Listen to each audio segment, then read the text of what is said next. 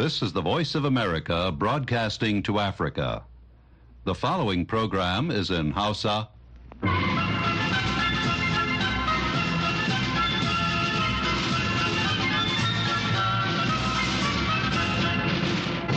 Sashen Hausa na muryar Amurka ke magana daga nan birnin Washington DC.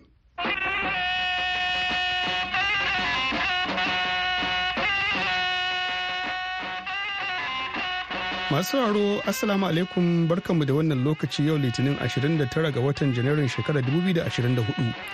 Mahmud Lalo ne tare da Ibrahim Kalmasi Garba muka sake dawowa a cikin shirinmu na ƙarfe 9 da rabi agogon Najeriya, Nijar, Kamaru da Chadi, takwas kenan da rabi agogon Ghana.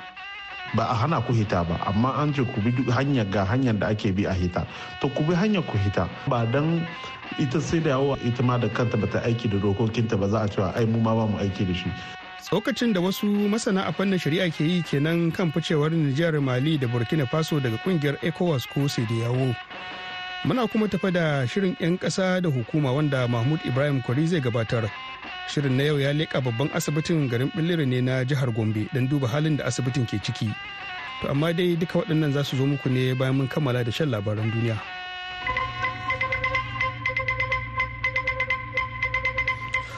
To assalamu alaikum masu saurare da fatan awon lafiya. Ga labaran. Kasar iran yau litini ta zartar da hukuncin kisa kan wasu mutane huɗu 'yan kabilar kurdawa tsiraru waɗanda ake tuhumar su da laifin leƙen asiri ma isra'ila. Tana mai yin watsi da kiraye-kirayen a sake su daga ƙungiyoyin rajin kare haƙƙin ɗan adam waɗanda suka ce an tafka rashin adalci wajen shari'ar sosai. An zartar da hukuncin kisa kan mutanen ne da asuba bayan da aka same su da laifin haɗa kai da isra'ila don yin zagon ƙasa a wani wurin da ma'aikatar tsaron ƙasar iran ke gudanar da harkokinta a lardin isfahan da ke yankin tsakiyar ƙasar a cewar kafar labaran ɓangaren shari'ar mai suna mizan. Iran ta zarge su da abin da ta kira kasancewa mambobin wata ƙungiya mai alaka da hukumar leƙen asiri ta masu tsoron ra'ayin aƙidar yahudu inda take nufin hukumar leƙen asirin isra'ila ta mossad. Ba ta ambaci asalin su na kurdawa kamar yadda ƙungiyoyin kare haƙƙin ɗan adam suka yi ba. Amurka yau litini ta yi tayin ladar da za ta iya kaiwa har dala miliyan biyar ga duk wanda ya taimaka aka damƙe wani tsohon jami'in gwamnatin sudan wanda ake nema game da laifin yaƙin da aka tafka a yankin darfur wato wanda ya tsere daga kurkuku bayan da yaƙi ya ɓarke bara. Kotun manyan laifuka ta ƙasa da ƙasa na neman ahmad harun wani tsohon babban hadimin ban wato hambararren shugaba mai kama karya umar albashir saboda rawar da ya taka wajen kafa masifafiyar ƙungiyar mayaka ta janjaweed wadda ta yi ta kai munanan hare-hare a yankin darfur a shekara ta 2000 zuwa sama. Harun ya sanar a watan afrilu cewa da shi da wasu tsaffin jami'an gwamnati sun tsere daga gidan yarin kobe da ke birnin hartum 'yan kwanaki bayan barkewar yaƙi tsakanin sojojin sudan da rundunar sa kai ta musamman. Australia yau litini ta zama ƙasa ta baya-bayan nan wadda ta dakatar da bayar da gudunmawa ga cibiyar tallafawa falasɗinawa ta majalisar ɗinkin duniya unrwa kwana guda bayan da sakatare janar na majalisar ɗinkin duniya antonio guterres ya yi kira ga ƙasashe da su ci gaba da bayar da tallafin kuɗi don a taimaka ma mutanen da aka raba da muhallansu a gaza waɗanda ke matuƙar buƙatar taimako. Ma'aikatar harkokin wajen australia ta fitar da wani bayani inda take kiran cibiyar ta unrwa da kuma ita kanta majalisar ɗinkin duniyar da su kaddamar da bincike kan zarge-zargen cewa wasu gwamman ma'aikatan jinƙai falasinawa sun taka rawa a harin da hamas ta kai ma isra'ila a watan oktoba. Ƙasashe akalla goma waɗanda ke bayar da wajen kashi 60 cikin ɗari na tallafin unrwa ɗin sun dakatar da bayar da tallafi. Kasashen sun hada da amurka da australia da burtaniya da canada da finland da jamus da italiya da japan da netherlands da kuma switzerland. Jiya lahadi ƙasar norway ta ce a yayin da ita ma ta na wato tana cikin matuƙar damuwa game da wannan zargin za ta ci gaba da bayar da tallafinta ga cibiyar. To karfa a sha'afa ana shan labaran ne daga sashen hausa na muryar amurka a nan birnin washington dc ukraine yau litini ta ce bataliyar tsaron sararin samanta ta kakabo jirage marasa matuƙa guda takwas waɗanda ƙasar rasha ta cillo a hare-haren da ta kai da daddare. Rundunar sojin ukraine ta ce an lalata jirage marasa matuƙa a yankuna daban-daban na ƙasar ciki har da mykolaiv da dnipropetrovsk da bensriki da rifne baya ga jirage marasa matukan hare-haren da rasha ta kai sun hada da makami mai linzami samfurin s-300 shugaban kunyi wato ukraine volodymyr zelensky jiya lahadi ya ce an kara wato karin tujiya wajen tsaron ƙasa da samun ƙarin makamai da kuma motocin yaƙi na da matuƙar muhimmanci a yanzu. Kalaman nasa sun biyo bayan na sakatare janar na wato na neto john stoltenberg wanda ya yi gargaɗin cewa muddin ukraine ba ta ci gaba da samun irin taimakon da take buƙata don kare kanta daga rasha ba to amurka da turai da sauran sassan duniya za su kasance cikin hadari matuka.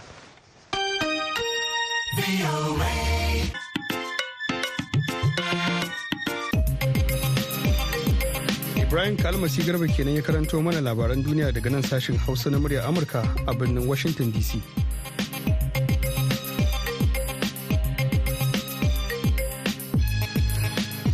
ta da hukumomin mulkin sojan mali nijar da kuma burkina faso suka ba da sanarwar ficewar kasashensu daga yawo ko ecowas sakamakon zargin ƙungiyar da kaucewa manufofin da aka kafa ta masana na cewa har yanzu akwai sauran sararin warware wannan nambarwa da ta biyo bayan juyin mulkin da aka fuskanta a ƙasashen uku dukansu da ke yankin yammacin afirka a tattauna wasu da wakilin sashen hausa na murya amurka suleiman barma wani lauya da ke aiki a cibiyar nazari da bincike kan dokokin kasa da kasa barista bashir amadu mazaunin birnin montpellier da ke kasa faransa ya bayyana cewa dokokin ecowas sun gindaya wasu sharuɗa da ya kamata ƙasa ta bi kafin ta fice daga ƙungiyar.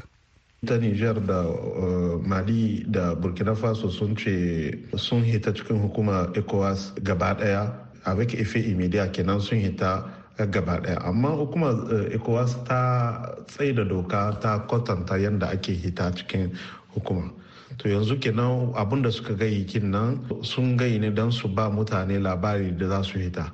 Yanzu abin da kamata a yi tun da hukumar ecowas ta ba kowace kasa incin ta hita in tana so amma ba haka ake hita ba. Hita yadda ake yi sai an rubuta an aika can aikowas sannan cikin shekara guda su yi kin na hita ciki. Kuma wannan shekara da aka ba da kahin a hita gaba ɗaya ai dan a samu ne wata ranko cikin harkokin a samu a sasanta. Don shine aka ba da eh, lokaci mai nisa ƙwarai a ba da shekara guda. Cikin shekara guda ai ana iya tattaunawa kuma a samu haɗin kai.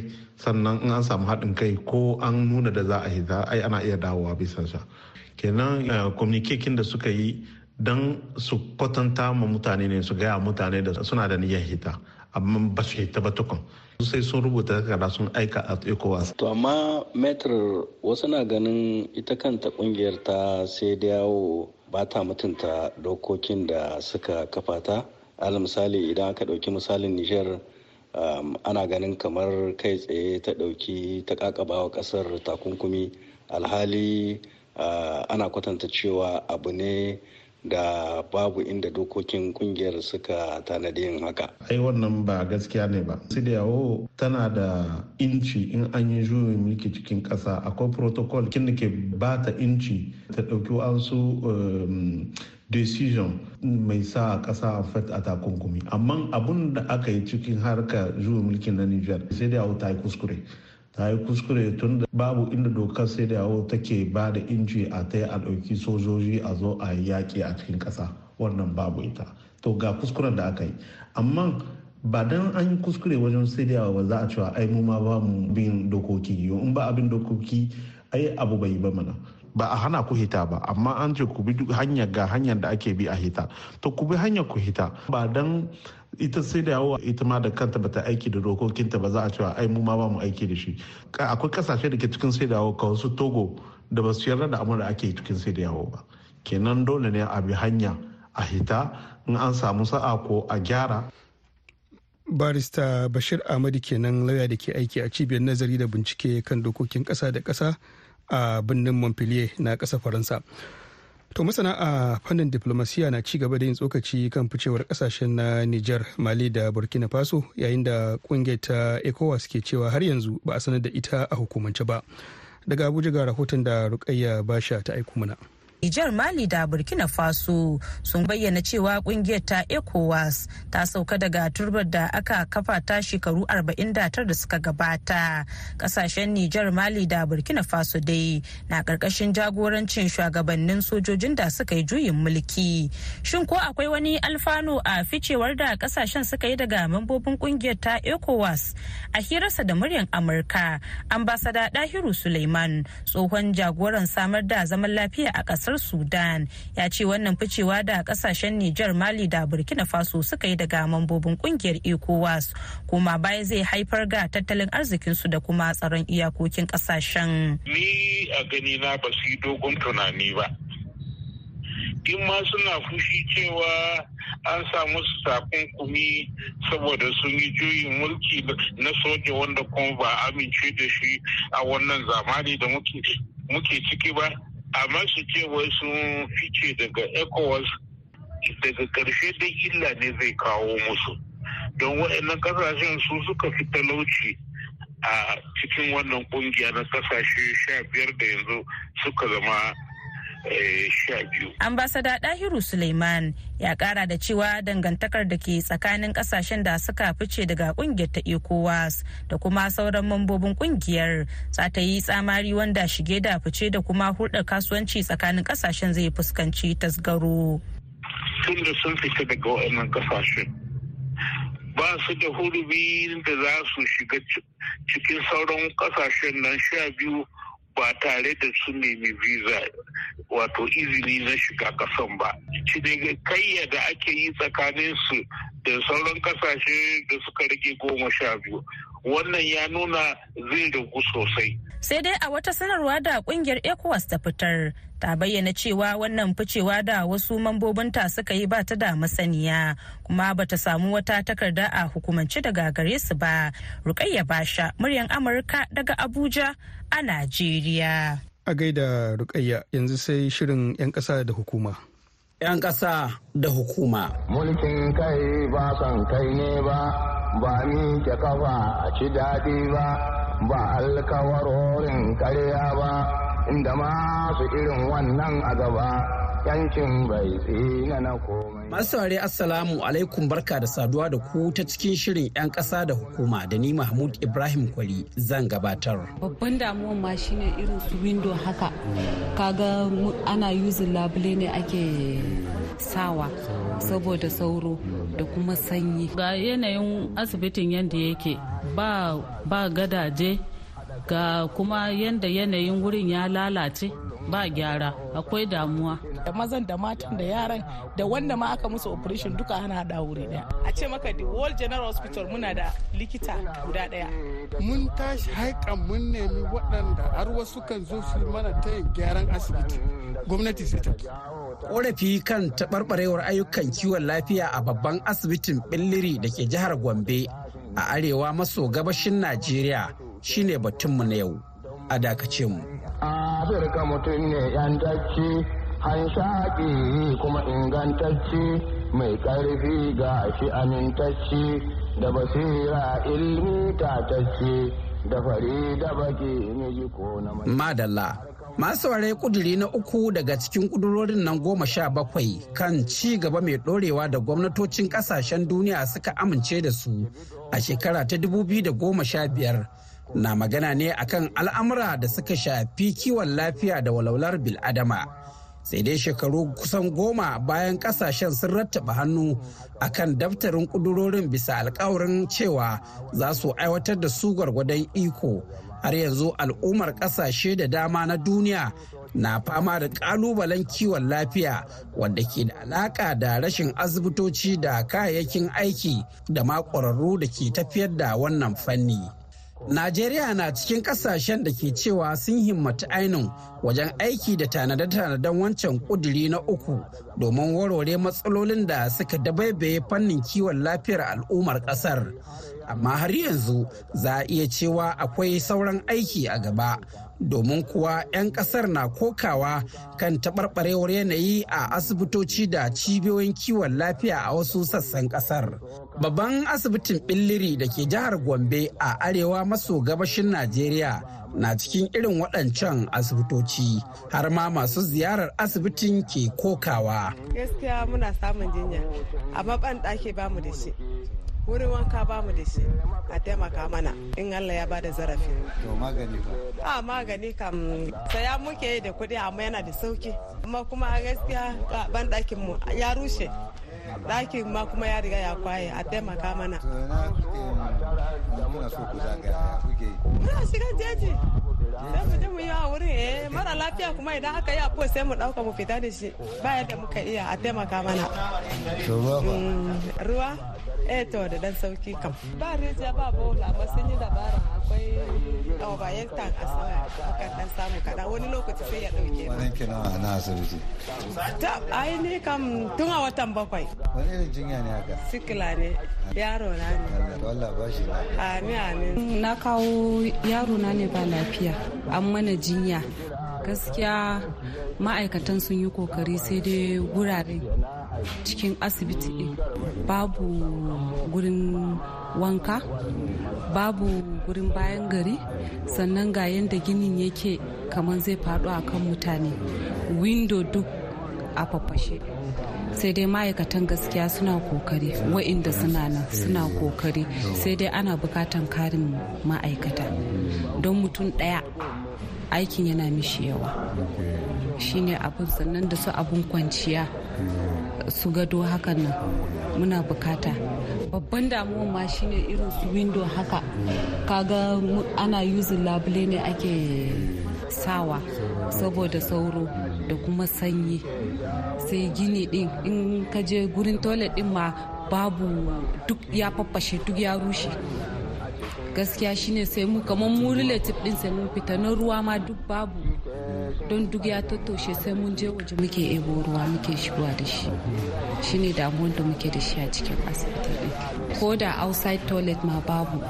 Kamar mu relative sai mun fita mun zaga waje can mun nema ko a makwabta mu yi. Wanda muna da gida cikin gari sai mun je cikin gari mun je mun yi bayan gari mu dawo ko kuma mu yi wanka. Idan wanda ba sa gari haka kaga ya da musu damuwa.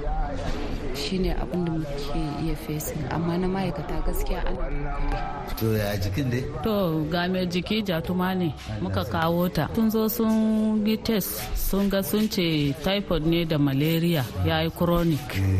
To shine suka rubuta mana magunguna sai muka je muka saya. Shine yanzu muke bata. To ga yanayin asibitin yadda yake ba wuri mai kyau ba gadaje ga kuma yadda yanayin wurin ya lalace.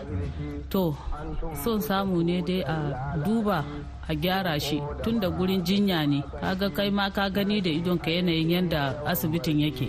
Ba gyara. Akwai damuwa. Me ya kawo ki asibiti? Rashin lafiya. Yaro ne. To me yake damunsa? Zazzabi. An masa magani kuwa?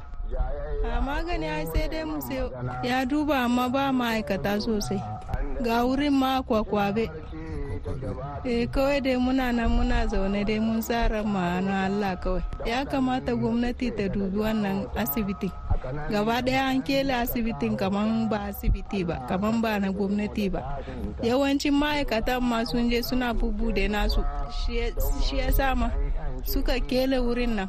Comrade Hauwa Friday guda cikin waɗanda ke fafutukar 'yancin haƙoƙin mata a yankin na Bulliri ta yi ƙarin bayani akan halin da wannan asibiti na Bulliri ke ciki. Nan wurin yana ɗaukan gado akalla 75, Melwood yana ɗaukan akalla 75, kimamin 150 to amma kaga nan ma yanzu ba gado.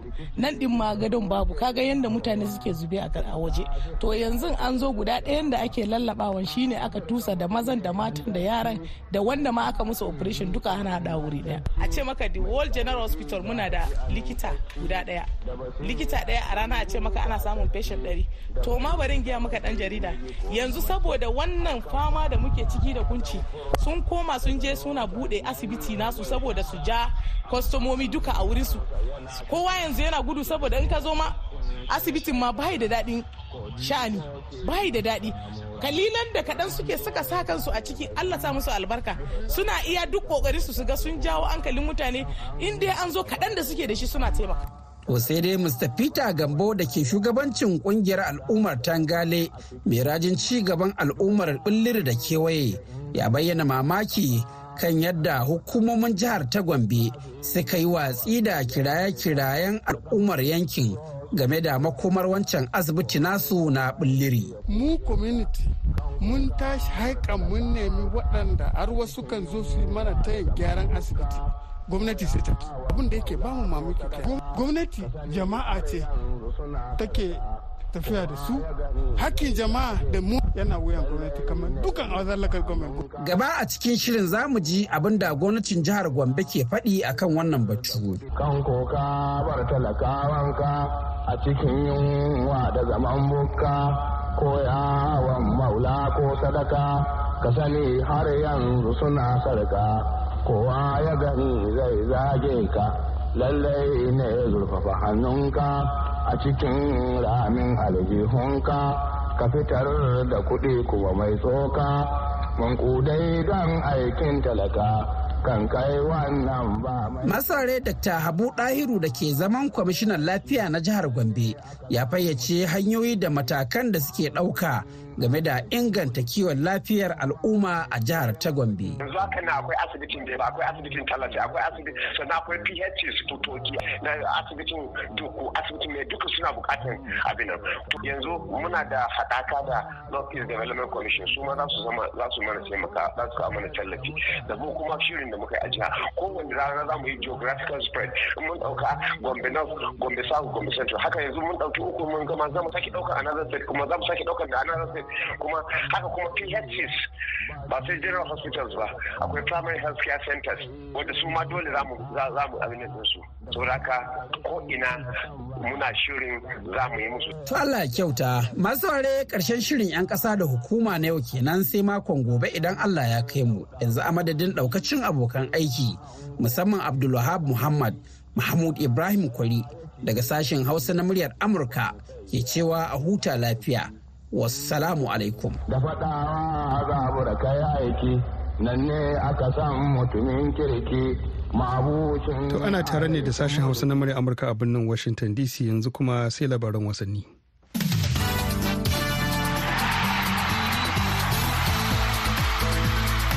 Jama'a Assalamu alaikum barkamu da kasancewa a cikin shirin labaran wasanni tare da ni Murtala Faruk Sanyin na. Manyan ƙasashe ta haujin ƙwallon kafa na ci gaba da yin wajarar a gasar cin kofin nahiyar afirka da ake fafatawa a ƙasar ivory coast. Ko bayan ƙasashe irin su ghana da algeria da tunisia da suka fice tun daga matakin rukuni ƙasar masar ma ta fice daga gasar bayan da congo ta doke ta ta hanyar penalty a wasan zagaye na biyu na gasar da suka fafata a jiya lahadi. Wannan lamari dai ya kawo ƙarshen fatan shahararren dan wasan ƙasar mohamed salah na daga kofin gasar ta bana bayan da suka kasa samun damar a gasar da ta gabata inda senegal ta doke su a wasan ƙarshe ta kuma lashe kofin gasar. Tuni da ƙasar kamaru ma ta yi wajen a gasar ta bana bayan najeriya ta doke ta da ci biyu da nema a ranar asabar.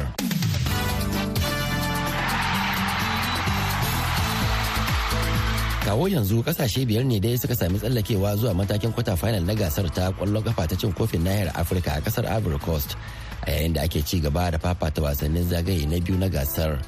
Najeriya wacce ta yi galabar doke kamaru a ranar asabar za ta kara ne da angola wadda ita kuma ta doke namibia da ci uku da nema a wasan zagaye na 'yan sha shida duk a ranar asabar din. A jiya lahadi kuma gini ta doke equatorial gini da ci ɗaya da nema inda za ta fafata da congo wadda ita kuma ta fitar da ƙasar masar.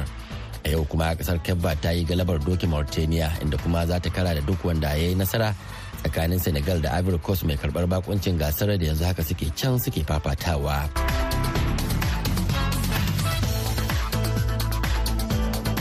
Ƙasar ivory coast bata sami nasara ba a yunkurin da ta yi na dawo da tsohon mai horar da 'yan wasan ta harv renard domin jagorantar 'yan wasan ƙasar a sauran wasannin gasar ƙwallon kafa ta cin kofin nahiyar afirka da take karɓar bakuncin ta ƙasar ta ivory coast ta tsallake rijiya da baya ne yayin da ta sami shiga zagayen na biyu na 'yan sha shida na gasar a matsayin mafifitan ƙasashen da suka zo na uku a matakin rukuni. To amma kuma ta kori mai horar da 'yan wasan ƙasar jean louis gasset a ranar larabar da ta gabata. Biyu bayan kashin da ta sha a wasanni biyu na matakin rukuni. Hakan ya sa ta nemi dawo da tsohon kocin nata renat dan ƙasar faransa mai shekaru 55 wanda yanzu haka yake aiki a matsayin mai horar da 'yan wasa mata na ƙasar ta faransa inda kuma yake da kwantaragin da zai kai har a ƙarshen wannan kakar wasanni. To sai dai kuma hukumar ƙwallon kafar faransa ta ki amincewa da buƙatar ta na samun kocin a zaman aro. A can baya dai renard ya jagoranci 'yan wasan ƙasar ta ivory coast har suka lashe gasar ta cin kofin nahiyar afirka a shekara ta 2015 bayan zamansa zambia inda a can ma ya taɓa lashe gasar a matsayin mai horar da 'yan wasan ƙasar.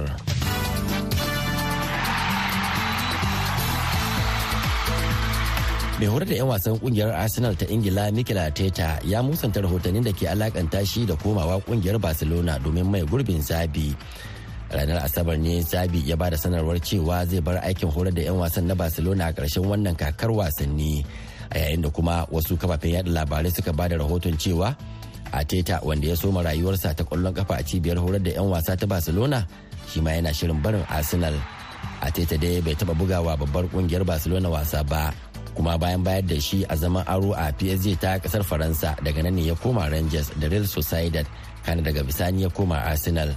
Bayan yin murabus daga taka leda ne ya soma aikin horarwa a ƙarƙashin Pep Guardiola a ƙungiyar Manchester City kafin daga bisani ya zama babban kocin Arsenal a shekara ta 2019.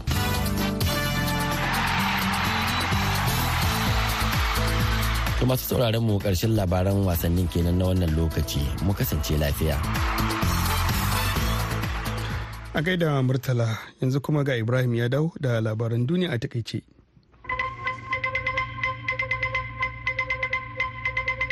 To a takaicen ƙasar iran yau litini ta zartar da hukuncin kisa kan wasu mutane huɗu 'yan kabilar kurdawa tsiraru waɗanda aka tuhume su da laifin leƙen asiri ma isra'ila.